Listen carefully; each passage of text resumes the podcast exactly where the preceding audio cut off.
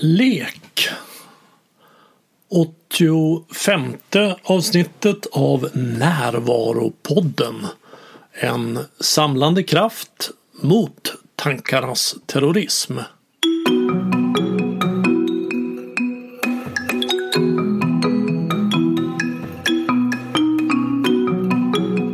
Det här är Bengt Renander. Först vill jag puffa för höstens föreläsningar. I september handlar det om fungerande kärleksrelationer. I oktober om maskulint och feminint och i november om att stoppa tankarnas terrorism. Man kan som tidigare delta på plats i Stockholm eller, vilket är en nyhet för i år, delta via Zoom varifrån som helst.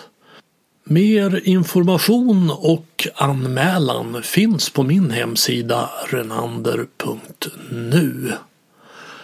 Sen vill jag berätta att jag just fått veta att man kommer renovera huset där jag har kontor och spelar in mina poddar.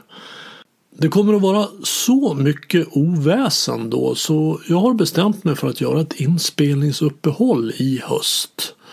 Jag kommer förmodligen hinna producera ett par avsnitt innan dess men sen blir det alltså några månaders uppehåll.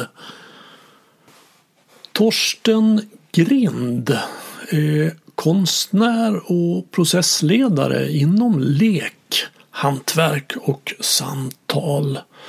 Och han och jag pratar om att våga släppa kontrollen och lämna över sig till nuet. Om det märkvärdiga i att ordet lek finns i ordet kärlek. Om att leka med någon som är blind, stum och döv. Om att vara en nyfiken nybörjare om att uppleva livet istället för att tänka om det. Om att sluta tro på rösten i huvudet. Om att det nästan alltid är ett fint ögonblick. Om att avveckla det yttre och utveckla det inre. Om att dö tacksam. Om lusten att skapa för sin egen skull om att sluta sin livscirkel och bli invald i de vises råd. Om livsresan som ett sökande efter sig själv. Om att det står okej okay på dörren in till nuet. Om friheten i att tillåta att det blir fel. Om när det inte går att vara närvarande om närvaro som hjälpsamt för andra, om att komma i kontakt med sin intuitiva intelligens, om att tillåta sig att vara ofullständig i mötet med andra och om att det ofta finns en glimt i ögat på den som är närvarande. Här är Torsten Grind.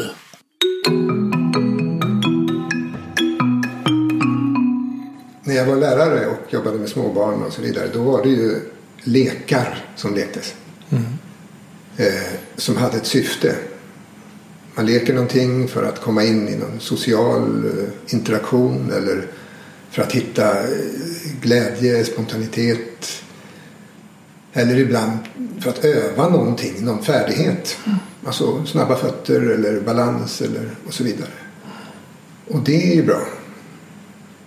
Och, men eh, för ungefär 20 år sedan så kom det, eller gick jag på en kurs med, i ursprunglig lek och mötte en man som hette Fred Donaldson. Och han gjorde något annat än alla de lekar jag har varit med om. Mm. Han la ut madrassen på golvet och så började vi att Eh, gå ner på knä och började att interagera, leka runt utan en tydlig form. Och det var förfärligt. Men det berörde någonting som jag hade längtat efter. Så vi fortsatte några stycken, utforskade där. Och då var det ett tillfälle då det var ett barn som var, hade precis börjat att resa sig upp. Ammat färdigt. Som jag aldrig hade träffat förut. Hade blöjan på sig och lullade runt på de här madrasserna.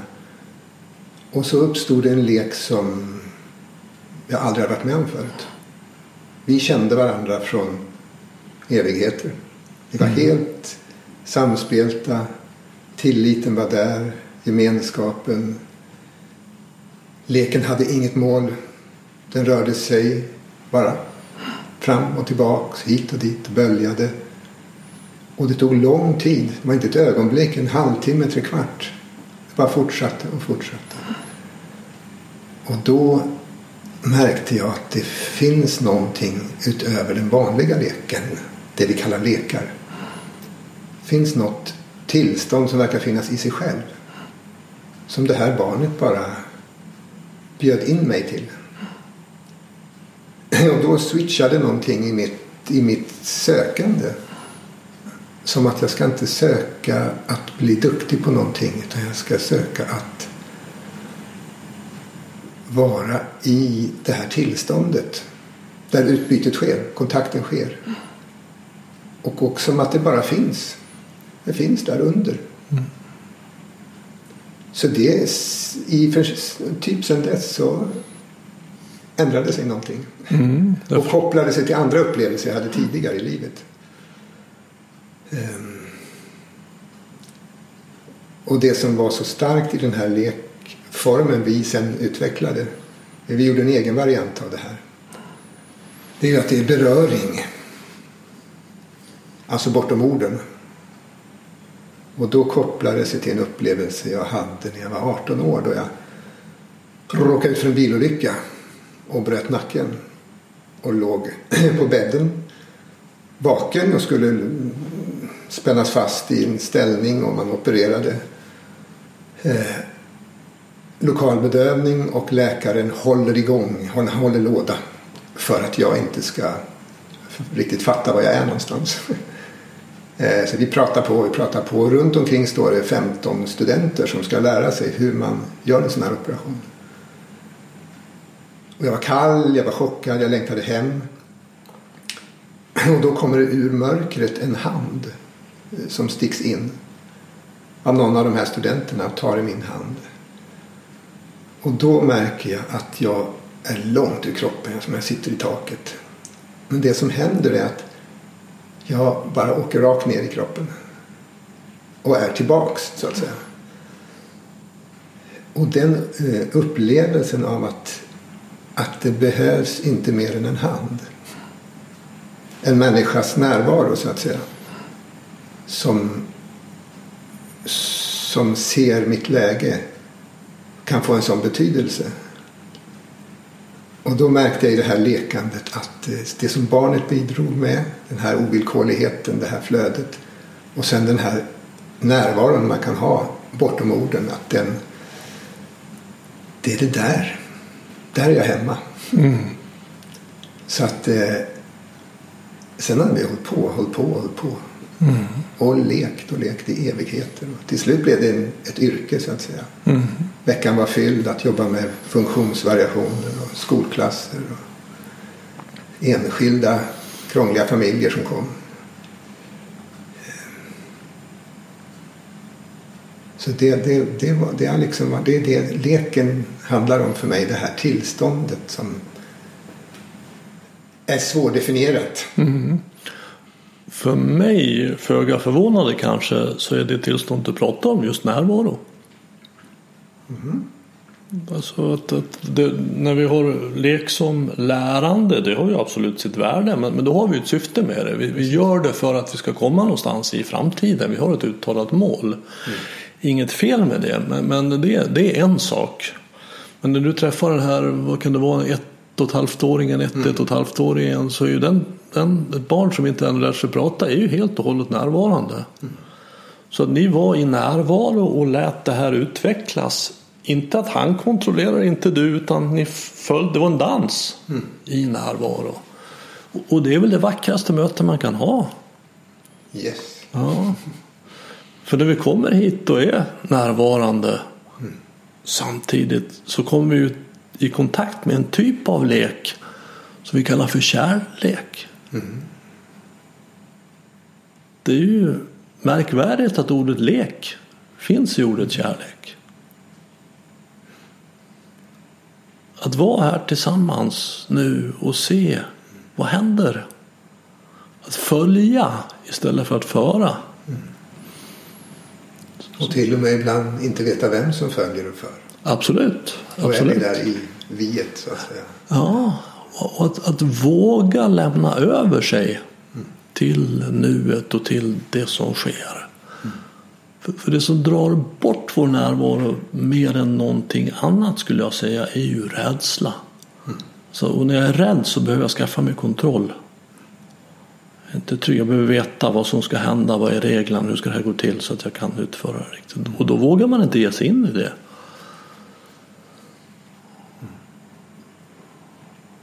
Jag är helt med. Ja, jag förstår det. Så en del i att göra sig tillgänglig för leken är ju det du säger, att avrädsla sig själv. Mm. Så man går in och ska leka med någon som har en funktionsvariation. Då blir det första som behöver hända det att jag stannar till och så börjar leka med mig själv en stund. Mm. Alltså sluter ögonen eller sätter mig någonstans eller går en promenad eller och bara med tillåtande lyssnande, tillåtande ögon låter mig själv vara precis som jag är. Mm. Jag behöver inte ens vara trevlig eller snäll eller glad eller någonting utan allt får ta plats för en stund.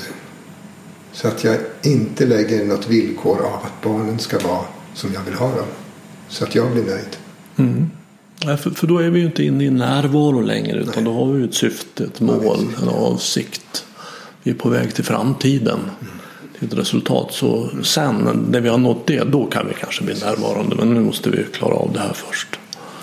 Och då har de här barnen, bland annat jobbar jag på ett ställe med multihandikapp, alltså döv, blind, stum och utvecklingsstörning. Mm. Och då finns det inte i princip inga kulturella koder kvar. Men människan är där. Mm. Och att då närma sig och leta efter den gemensamma nämnaren. Det fältet där den här hit och dit-rörelsen, ömsesidigheten kan uppstå.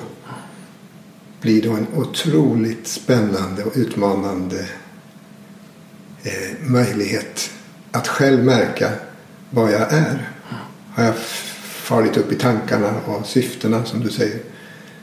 Eller är jag upptagen av något i min eget system som inte har hamnat i det bakre rummet så att säga.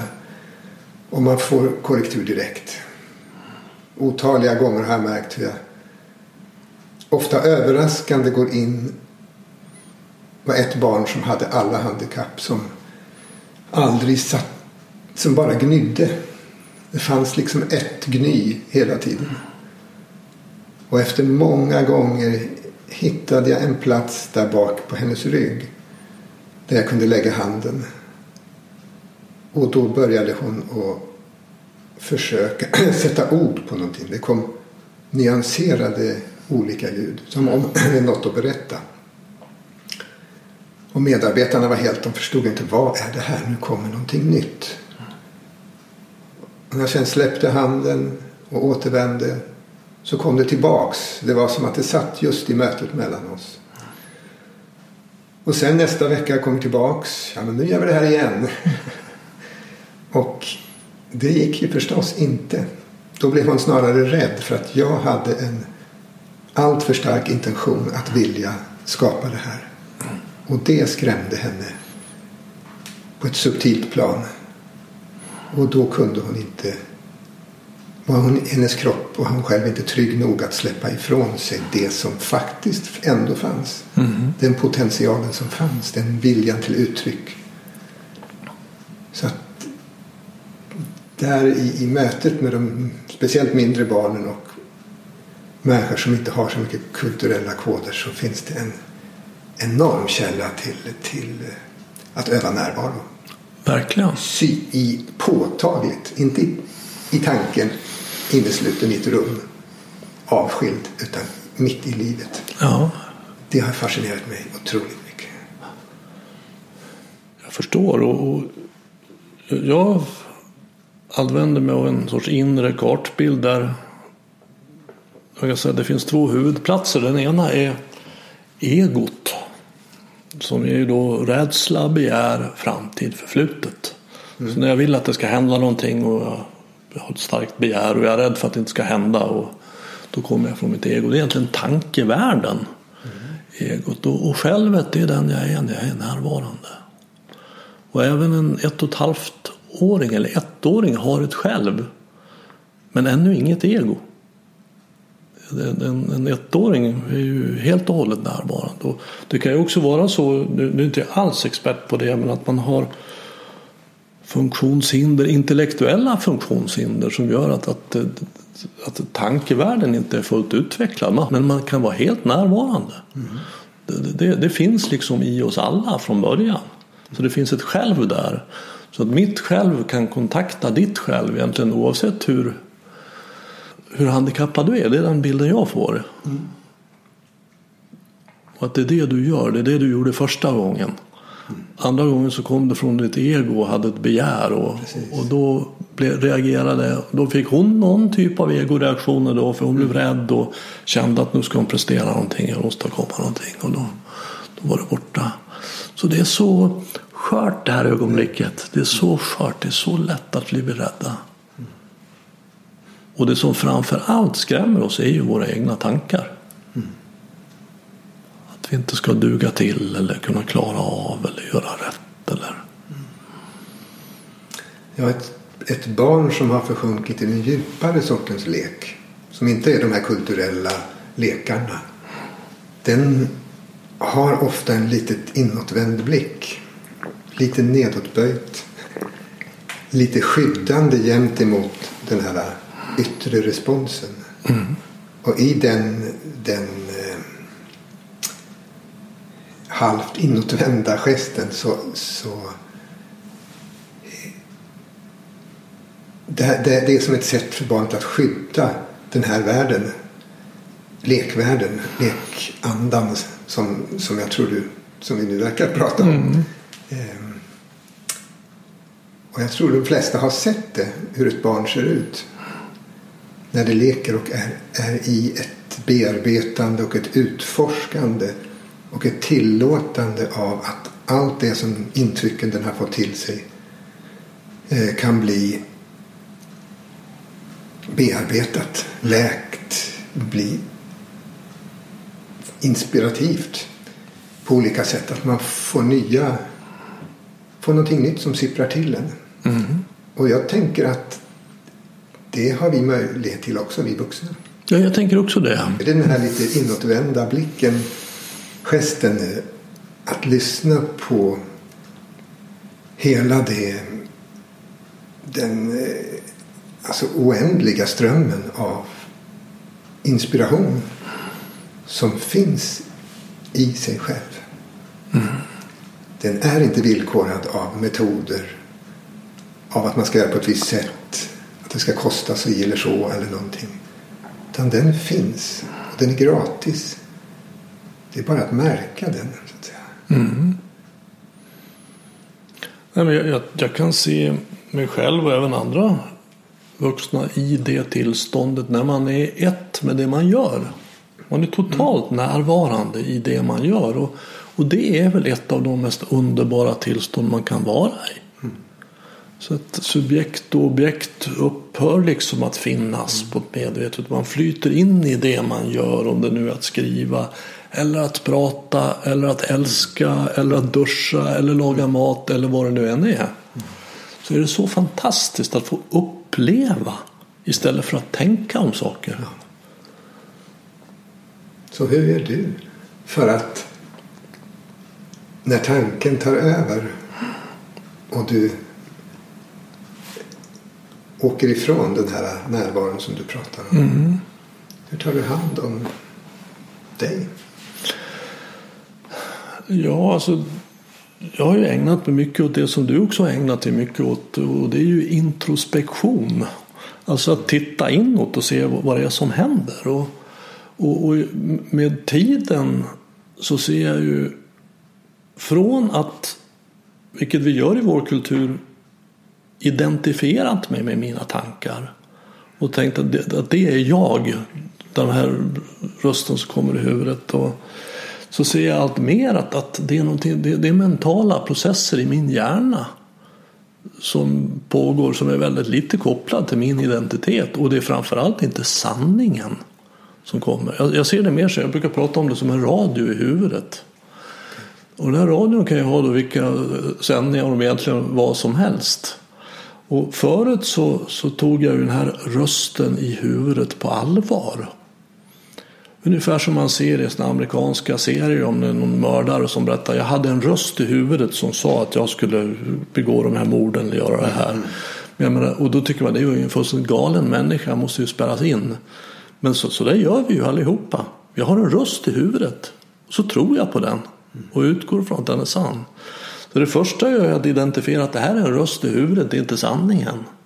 Och sen att gå då till upplevelsevärlden. Från tankevärlden, att rikta uppmärksamheten mot tankevärlden, vilket ju är rösten i huvudet, så har jag lärt mig att rikta uppmärksamheten mot upplevelsevärlden som är här nu. Alltså att upp, gå till mina sinnen, att se, dofta, lyssna, smaka, känna. Och då kommer jag hit. Och när jag kommer hit så upptäcker jag nästan alltid att det är ett fint ögonblick. Även om jag bara sitter och tittar på ett löv eller, eller egentligen inte gör någonting vettigt utifrån egots utgångspunkt och som tycker att man måste kämpa för att åstadkomma någonting i framtiden för annars så kan rädslor begär, rädslor begär. Så att uh, jag, jag trän, har tränat mycket på att träna fortfarande för det, det är inte klart för min del. Tankevärlden finns då, den är ju så förförisk. Mm. Åh, vad den är duktig på att säga att mm. det här är faktiskt verklighet. Det är faktiskt, du måste ju betala hyran. Kan väl inte hålla på och bara säga upp alla uppdrag på det här viset. Det förstår du väl. Mm. Då får du vara någon måtta på det. Håller du också på avveckla?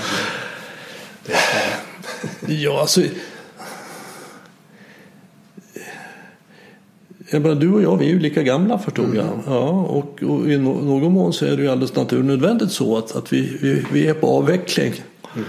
Och, um, så att den kommersiella delen av livet är jag, håller jag på att avveckla. Alltså att se till att jag får uppdrag, får betalt och föreläser och sånt. Men jag skulle säga att den, den, den eh, man ska använda ett ord som andlig. Jag är inte alls religiös men även att, att hitta mig själv. Det håller jag på att utveckla.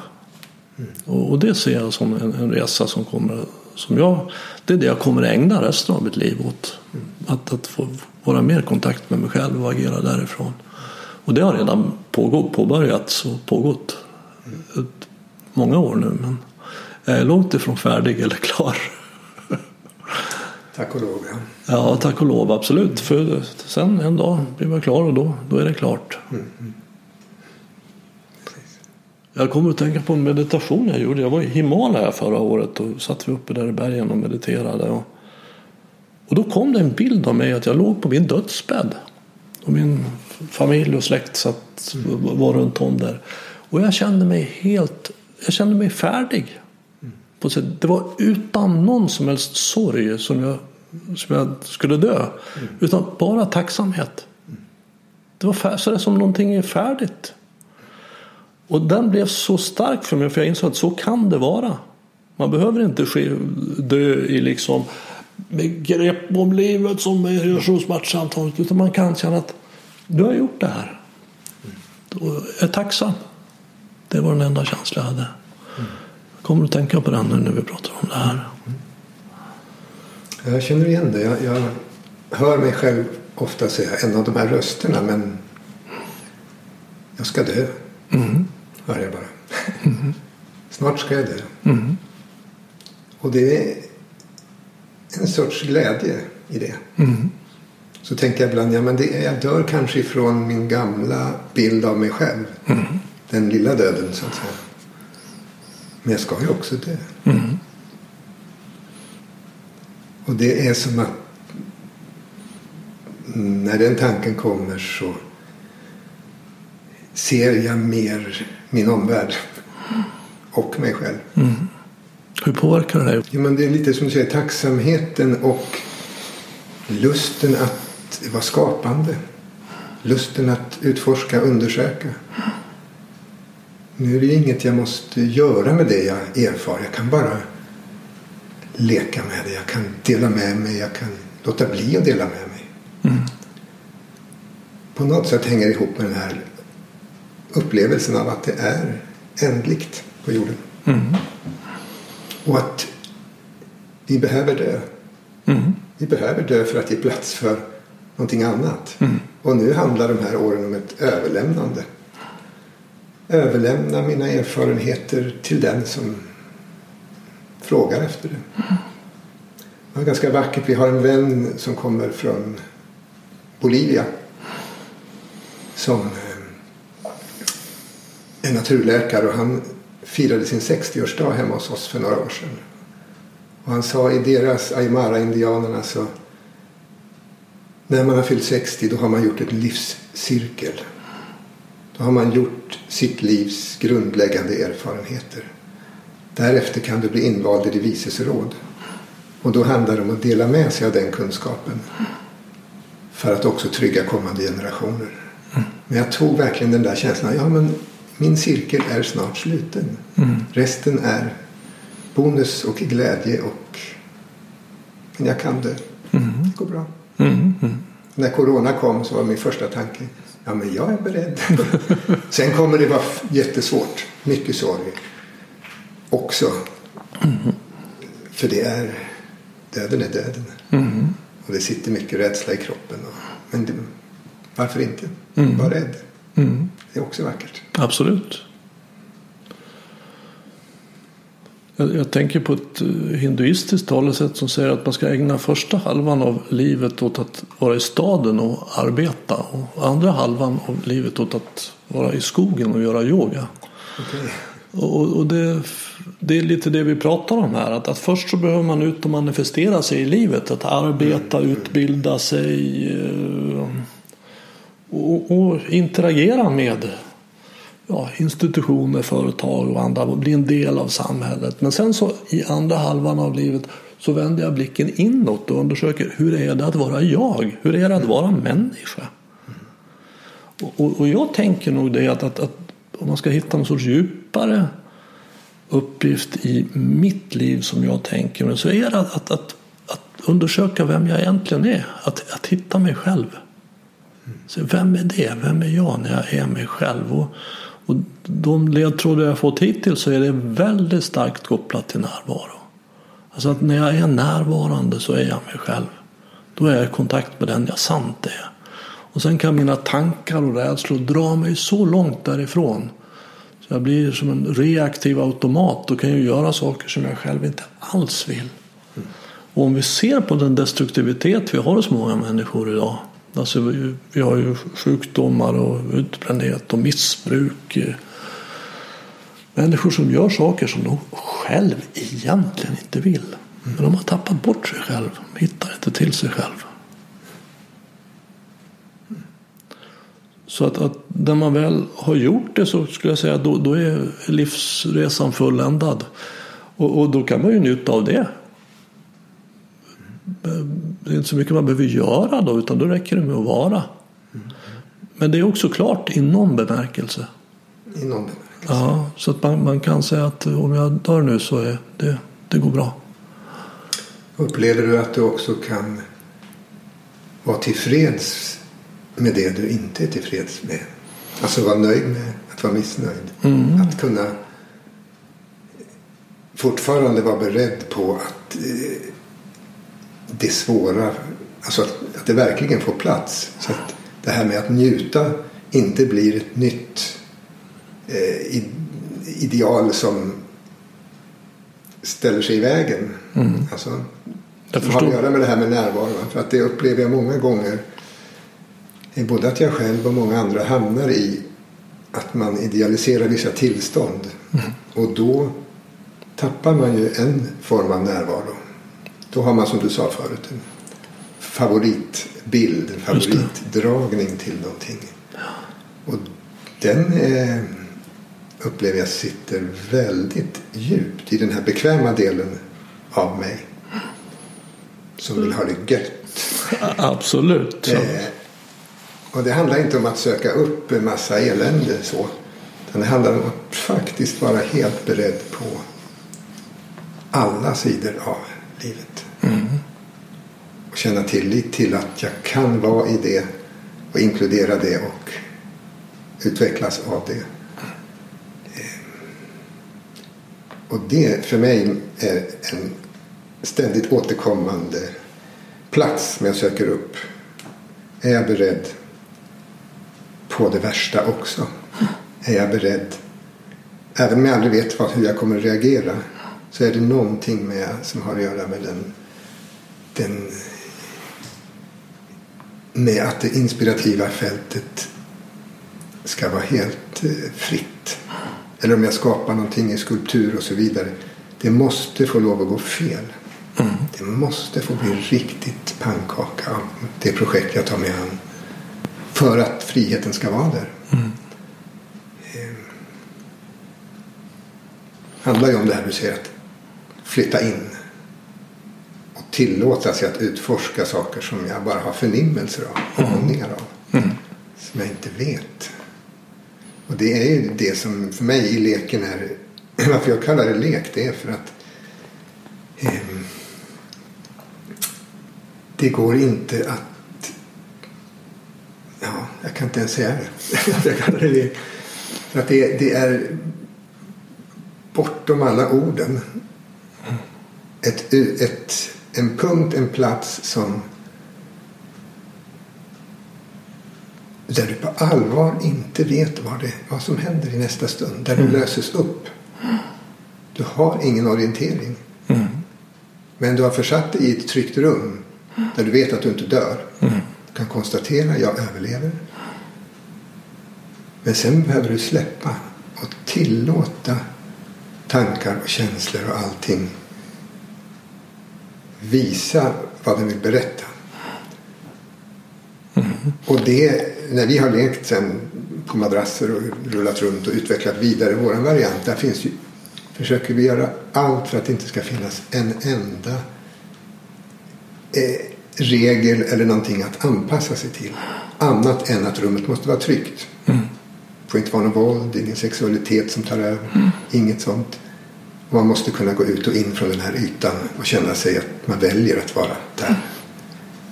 Men resten är att tillåta det som är. Mm. Och att var och en tar sin plats där andra plötsligt är obekväma för en själv. Men just nu händer det att en människa låter mycket eller gråter mycket eller vad den gör. Det händer faktiskt. Och vad händer i mig?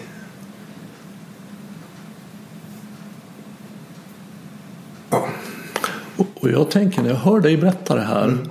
så tänker jag att, att vi, vi, kan kalla det lek, absolut. Men vi kan också kalla det kärlek. För att det här handlar ju om att se vad, vad, kommer ifrån mig och möta det med acceptans. För jag, du frågade mig hur gör du? Jag brukar säga det att på dörren in till nuet finns en skylt och på den skylten står det okej. Okay. Så acceptans är dörren in till nuet. Så, så när, jag, när jag är emot det jag känner till exempel och att, jag, att det inte får vara så här. Ja, då, då kommer jag vara i drama i tankedrama. Men jag kan säga okej okay till oavsett vad det egentligen är. Så kommer jag ju till, då finns fortfarande dramat kvar men det finns också en plats i mig som är okej okay med det. Så jag har två platser, jag har drama och jag har okej. Okay.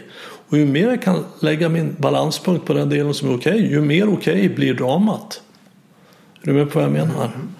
Och jag tänker också det du berättar om, jag tycker det är så, så vackert att, att låta det komma som kommer. Istället för vad som borde komma eller vad som förväntas eller att prestera, vara duktig över medel, normal eller vad det nu är vi strävar efter. Och det är väl kärlek till mig. Jag är kärleksfull mot mig själv. Istället för att vara kritisk och dömande. Och sen riktar jag samma blick som jag riktar inåt till mig själv. Riktar jag också på min medmänniska framför mig.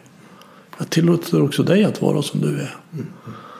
Och är inte det kärlek så vet jag inte riktigt vad, vad vi, ska, vi ska definiera kärlek. Mm. Det låter bra. Ja.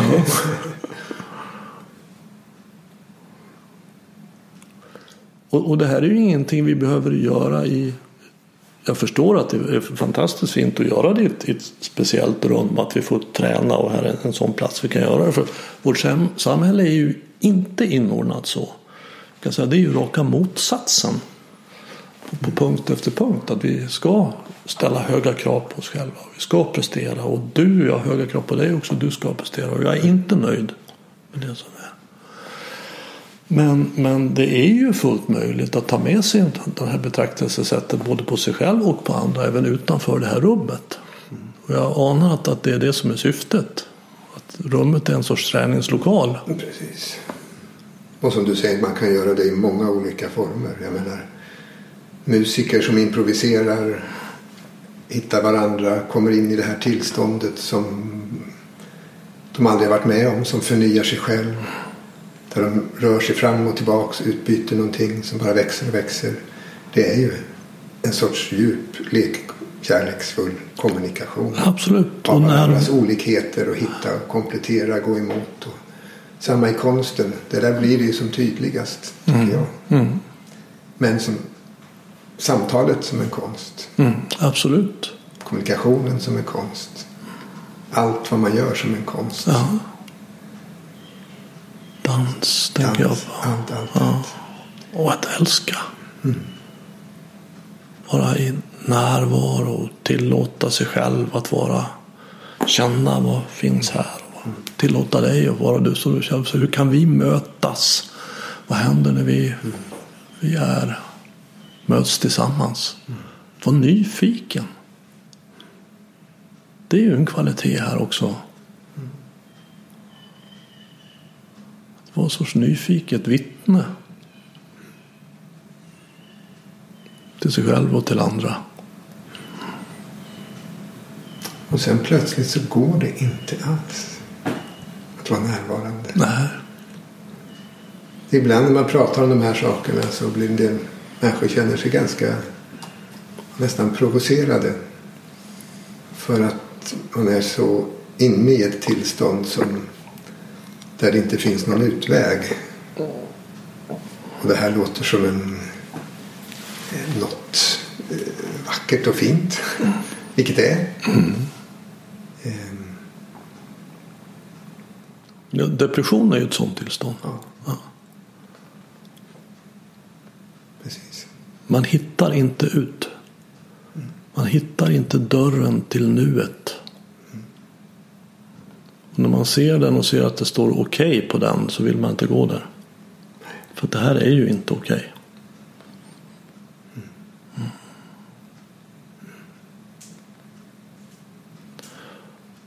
Arbetar du med människor som har, som har depression och den typen av... Alltså det kommer människor till mig som ofta har det varit parrelationer. Men också enskilda. Som på något sätt har trasslat till det. Och jag... Min... Jag försöker vara så blank som möjligt när de kommer. Har erfarenheter från olika terapiformer och ja, men eh, jag märker att det är en sån otrolig längtan av att bara bli lyssnad på.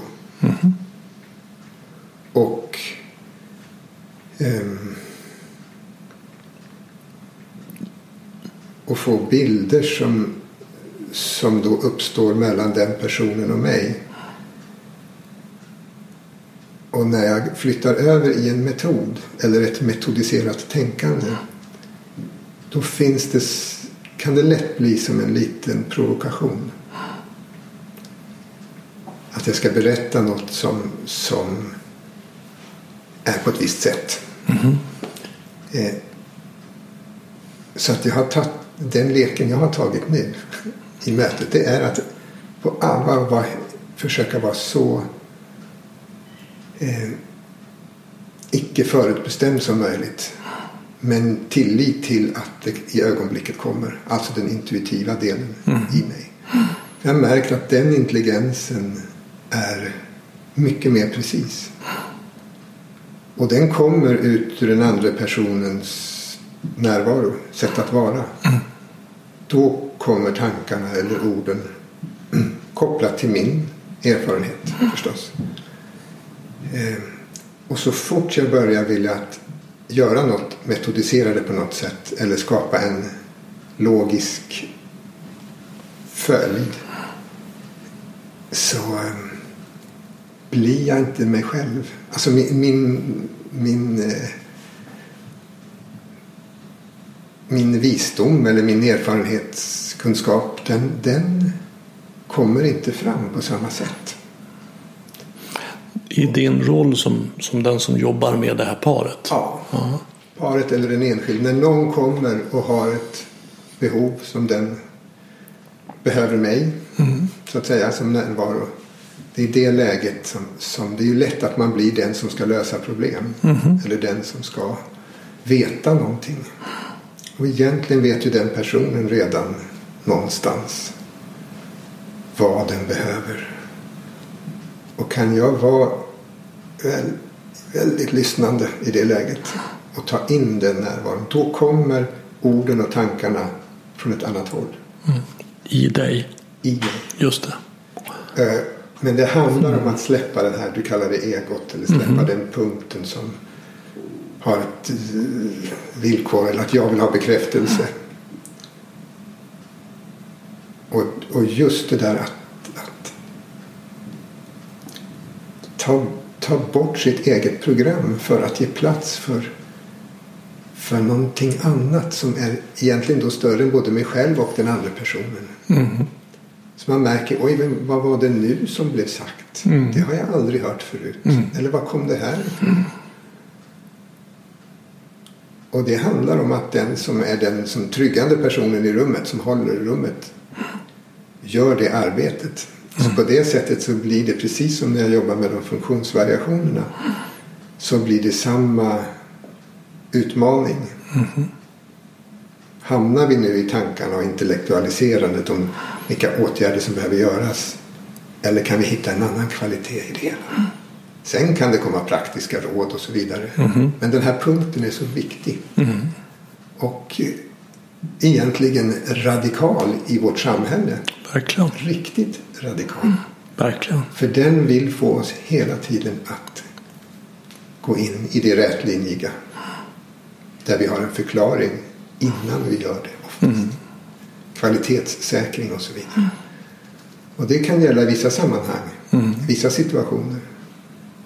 Men i det mellanmänskliga så är det andra lagbundenheter mm.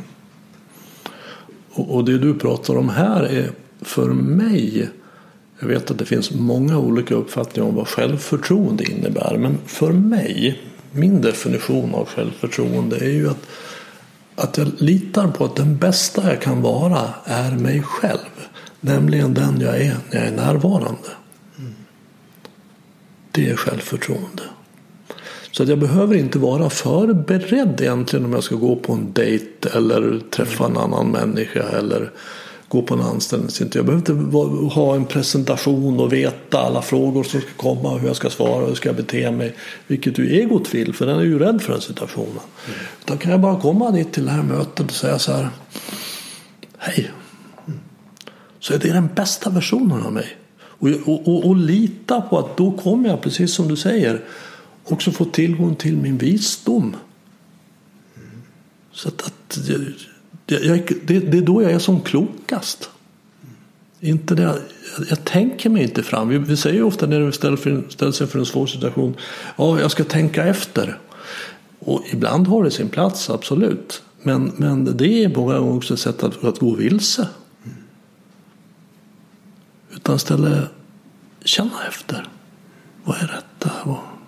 Hur känns det här? Att lyssna på sig själv, att vara sig själv. Det är uttryck vi använder ganska ofta men jag har funderat väldigt mycket på vad man menar. Så jag vet i alla fall vad jag menar när jag pratar om det. Och det låter som det, det är det du pratar om. Att vara den jag är när jag är närvarande så ofta som möjligt.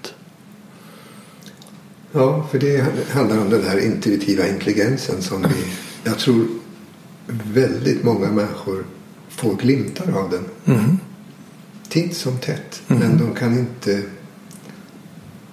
sätta det in i ett sammanhang. Mm. Vad var det jag upplevde? Mm. Och så tror man, alltså suddar man bort det. Nej, nu måste jag tillbaka och göra det och det. Mm. Men det är ofta små budskap som när man lyssnar på de där små snabba impulserna som finns inne i, i ens närvaro så kan de vara viskande små röster men väldigt, väldigt eh, vi, visdomsfulla och mm. eh, möjliga till någon sorts riktning. Och det är ju det man kallar intuition. Mm. Att veta utan att veta hur man vet. Mm. Jag vet, men jag vet inte riktigt hur jag vet det. Jag ska inte kliva in i hissen med den här personen. Eller? Mm. Och det är ju då att lita på sig själv. Och att få kontakt med den klokaste delen av mig. Det finns någon sorts förnuft också. Jag tycker att, att det är då man blir vettig. Alltså när man går in i rädslor och begär så blir det så jädra komplicerat och krångligt och man hittar så konstiga lösningar. Mm. Hur får man kontakt med förnuftet? Hur utvecklar man det? Sådana frågor som ju kommer. Ja. För det låter som det är självklart för dig. Jag känner igen det också. Mm.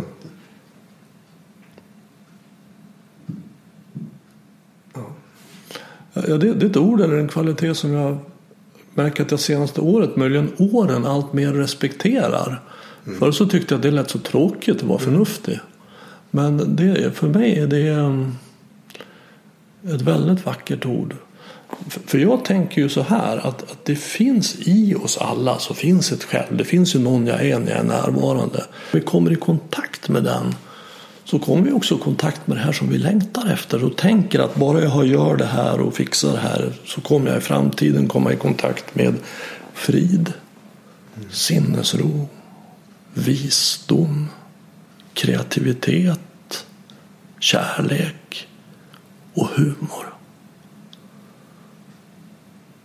Det finns där färdigt och klart men jag behöver bara komma hit. Och bara då inom situationstecken men, men gör jag det så upptäcker jag det och ser jag också och jag tycker humor är en väldigt fin mm fin kvalitet. För att det tycker jag jag ser nästan alltid i ögonen på en person som är närvarande så finns det en glimt där. Man ser att det är någon som jag tar inte livet egentligen så allvarligt på ett sätt. Samtidigt som med, stor respekt och vördnad men, ändå så kan man se det absurda i att vara människa. Precis. Precis. Mm. Alltså näringen och kvaliteten, styrkan i det ofullständiga. Det som spricker upp. Det som inte riktigt går bra. Som inte funkar. Och undvikandet från att gå in i smärtan och rädslan för att, som jag sa förut, hamna på den goda sidan, så att säga, den bekväma sidan. Mm. Det som vi ofta kallar kärlek. Så det som händer ofta det är att vi separerar eh, så att säga det onda och det goda och inte ser hur de här krafterna, nedbrytande uppbyggande krafterna samverkar. Och att välja den vägen där det är dissonanser och där det är eh, där det är eh, där jag är ofullständig och göra mig tillåta mig att vara synlig i det i relation till andra människor. Det handlar ju om det här risktagandet Mm. som är när vi, när vi gör någonting som vi inte vet. Där vi kan göra bort oss. Där vi kan känna oss misslyckade. Medan det i grunden egentligen är ett, en erfarenhet som är så otroligt viktig. Att röra sig in i det fältet. Förhoppningsvis i trygghet då. Den här grundläggande tryggheten som jag tror du också pratar om. Eller som du pratar om. Eh.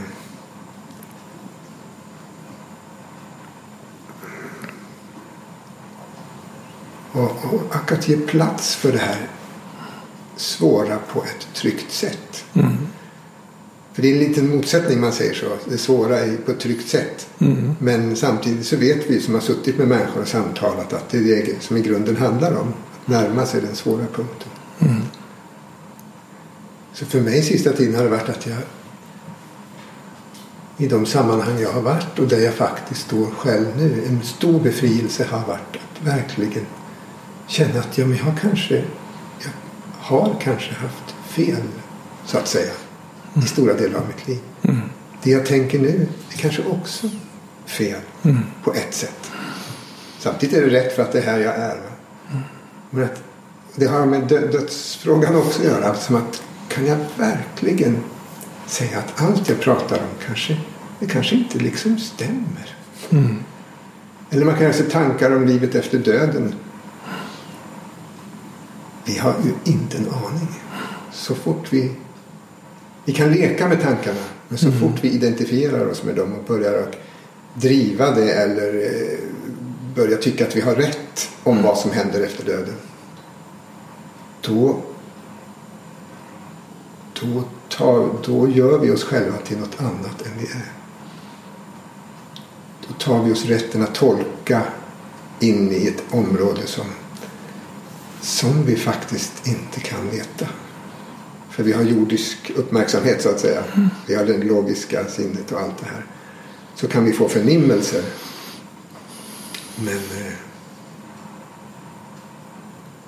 vi kan inte veta. Mm. Att det är en av mina största lättnader sista åren. Jag kan inte veta. Mm. Och jag har, kan lika väl vara helt ute och cykla. Mm. Fastän mitt hjärta säger något helt annat. Fastän jag tycker mig se att det svarar i yttervärlden. Så behöver jag för min del ha den tanken. Den ger mig väldigt mycket mer öppenhet Mm. när jag tittar, tittar runt eh, i livet. Mm. Jag får en bild av att du att det du berättar om handlar om att lämna landet av rätt och fel och kliva in i landet av jag vet inte. Som ju faktiskt, och, och kvaliteten med det är ju att det är sannare. Jag lever mitt liv sannare när jag lever utifrån punkten jag vet inte än att det här är rätt och det här är fel. För att jag menar, även om du hade fel förr så kanske det var rätt då.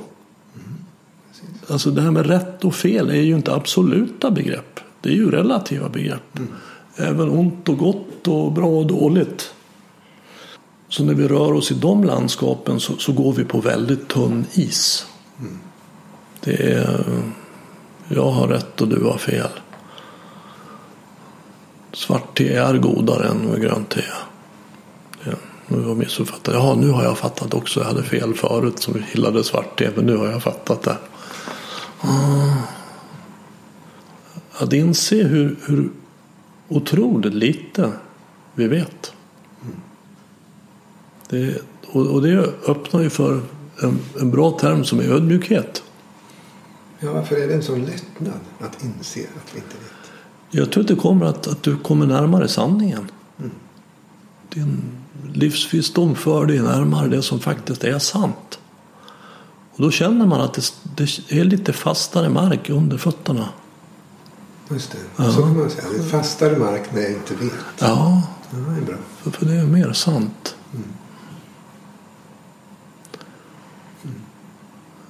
Jag gick tillsammans med en av mina söner på en universitetskurs i hjärnans biokemi för ett par år sedan. Vi läste om det nu var 15 poäng, så det var på halvtid en termin bara. Men jag var båda intresserade av hjärnan och hur det fungerar. Och, och det jag framför allt lärde mig på den kursen det är hur otroligt lite jag vet om det.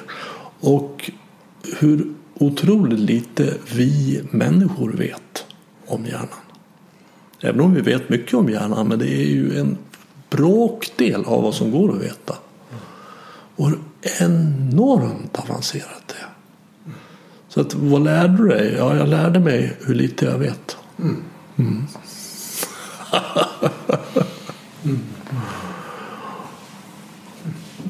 ja, man har ju märkt, det har kommit mycket, alltså kroppens internet och det har kommit olika sådana här, alltså ett program.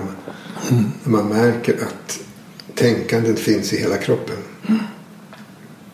Mm. Att organen har eget tänkande och uttrycker behov som den kommunicerar till hjärnan. Mm. Och hur hela den också inom pedagogiska sammanhang hur viktigt det är med rörelse och konst. Det var någon i PISA-sammanhang, mm. ledande där som beskrev hur otroligt viktigt det är att stimulera hela systemet motorik, rörlighet, konstnärlighet för att tänkandet ska utvecklas. Mm. På tal om hjärnan. Mm. Och nervsystemet är ju distribuerat över hela kroppen. Så att det, och vad tar hjärnan slut och vad börjar den? Svårt att svara på. Och jag tänker också att det är en mycket friare position att komma ifrån jag vet inte. För den positionen, om man ska uttrycka det med ett annat ord, är att vara ett nyfiket vittne. Att jag kommer in i livet som en nyfiket vittne. Vad är det som händer här? Okej, intressant. Jaha, jaså? Istället för att du borde, det här är rätt, det här är fel, inte, ska, måste, får inte. Som är en väldigt låst position. Och en väldigt intellektuell position. Alltså den kommer ju uppifrån huvudet. Det Shakespeare skriver ju det att nothing is good or bad. Only thinking makes it so. Det är vårt intellekt som har vilja att sortera. Mm. Att kunna lämna det, gå in i närvaro till det nyfikna vittnet. Mm. och leka.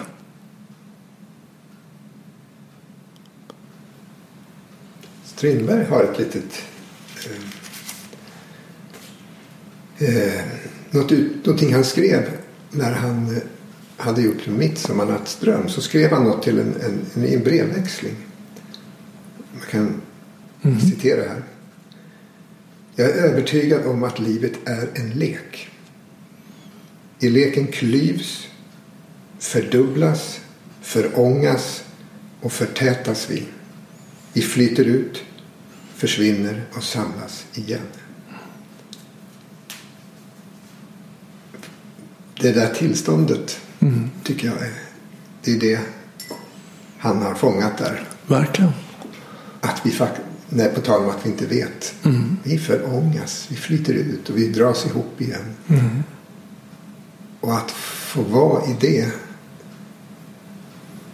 är som en sorts eh, djup stimulans ja, mm. för hela, hela kroppen och hela tänkandet. Mm.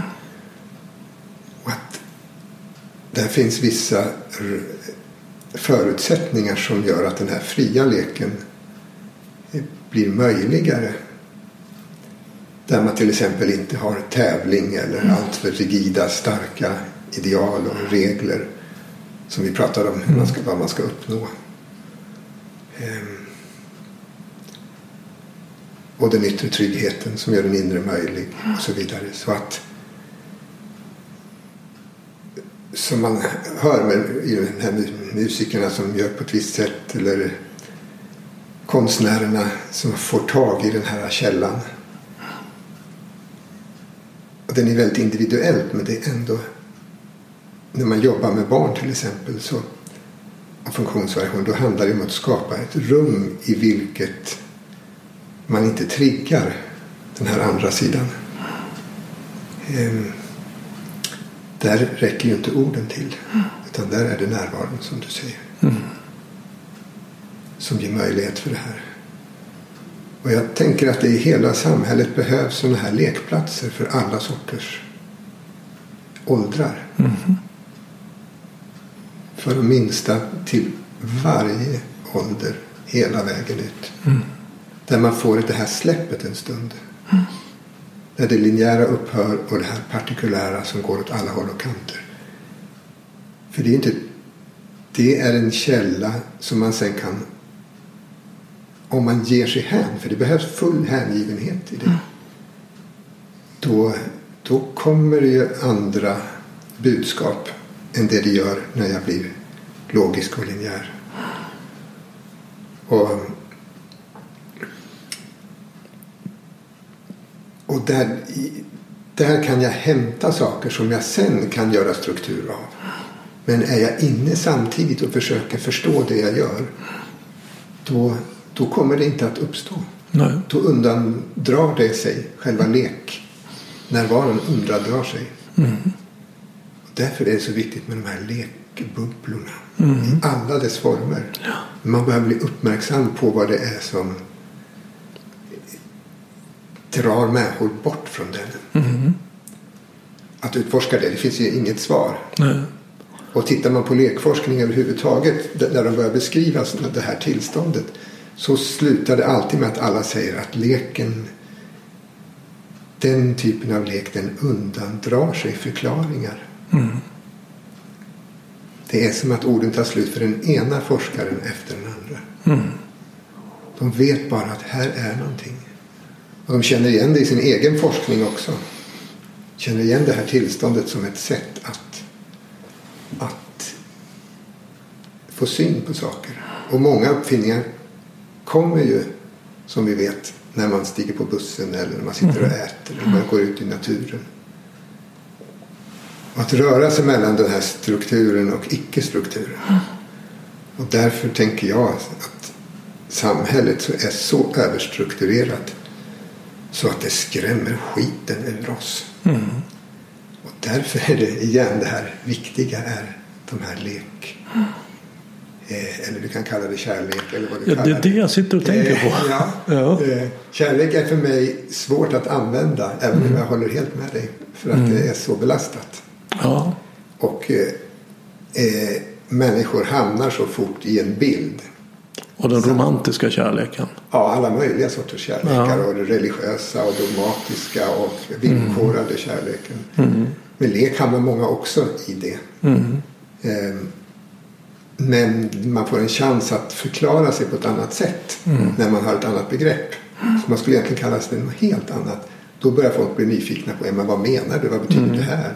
Och så vidare. Men ehm, Ja, för man kan också kalla det närvaro. ja. Mm. Lek, kärlek, olika aspekter av samma sak. Mm. Som är svårt att definiera, precis som du säger. Nej, för jag tänker det nu, jag håller helt med om att vi, vi alla behöver inte bara barn, behöver platser där vi, dit vi kan gå, eller möten där vi kan få vara i närvaro själva. Och tanka den delen och bara hitta den delen. Många vet ju inte ens att den finns. De är ett ständigt pågående drama. Från morgon till kväll. Och, och, och när du berättar om det, då, dök det ordet kärlek upp igen i mig. Att, att vi behöver alla få uppleva kärlek. Till oss själva och eller i oss själva och i, i kontakten med varandra. Och det är så läkande och helande. Någonting som verkligen behövs. tänker ibland när man inte vet vad man ska göra i en situation och livet inte är hotat. Då kan man åtminstone titta med kärleksfulla ögon.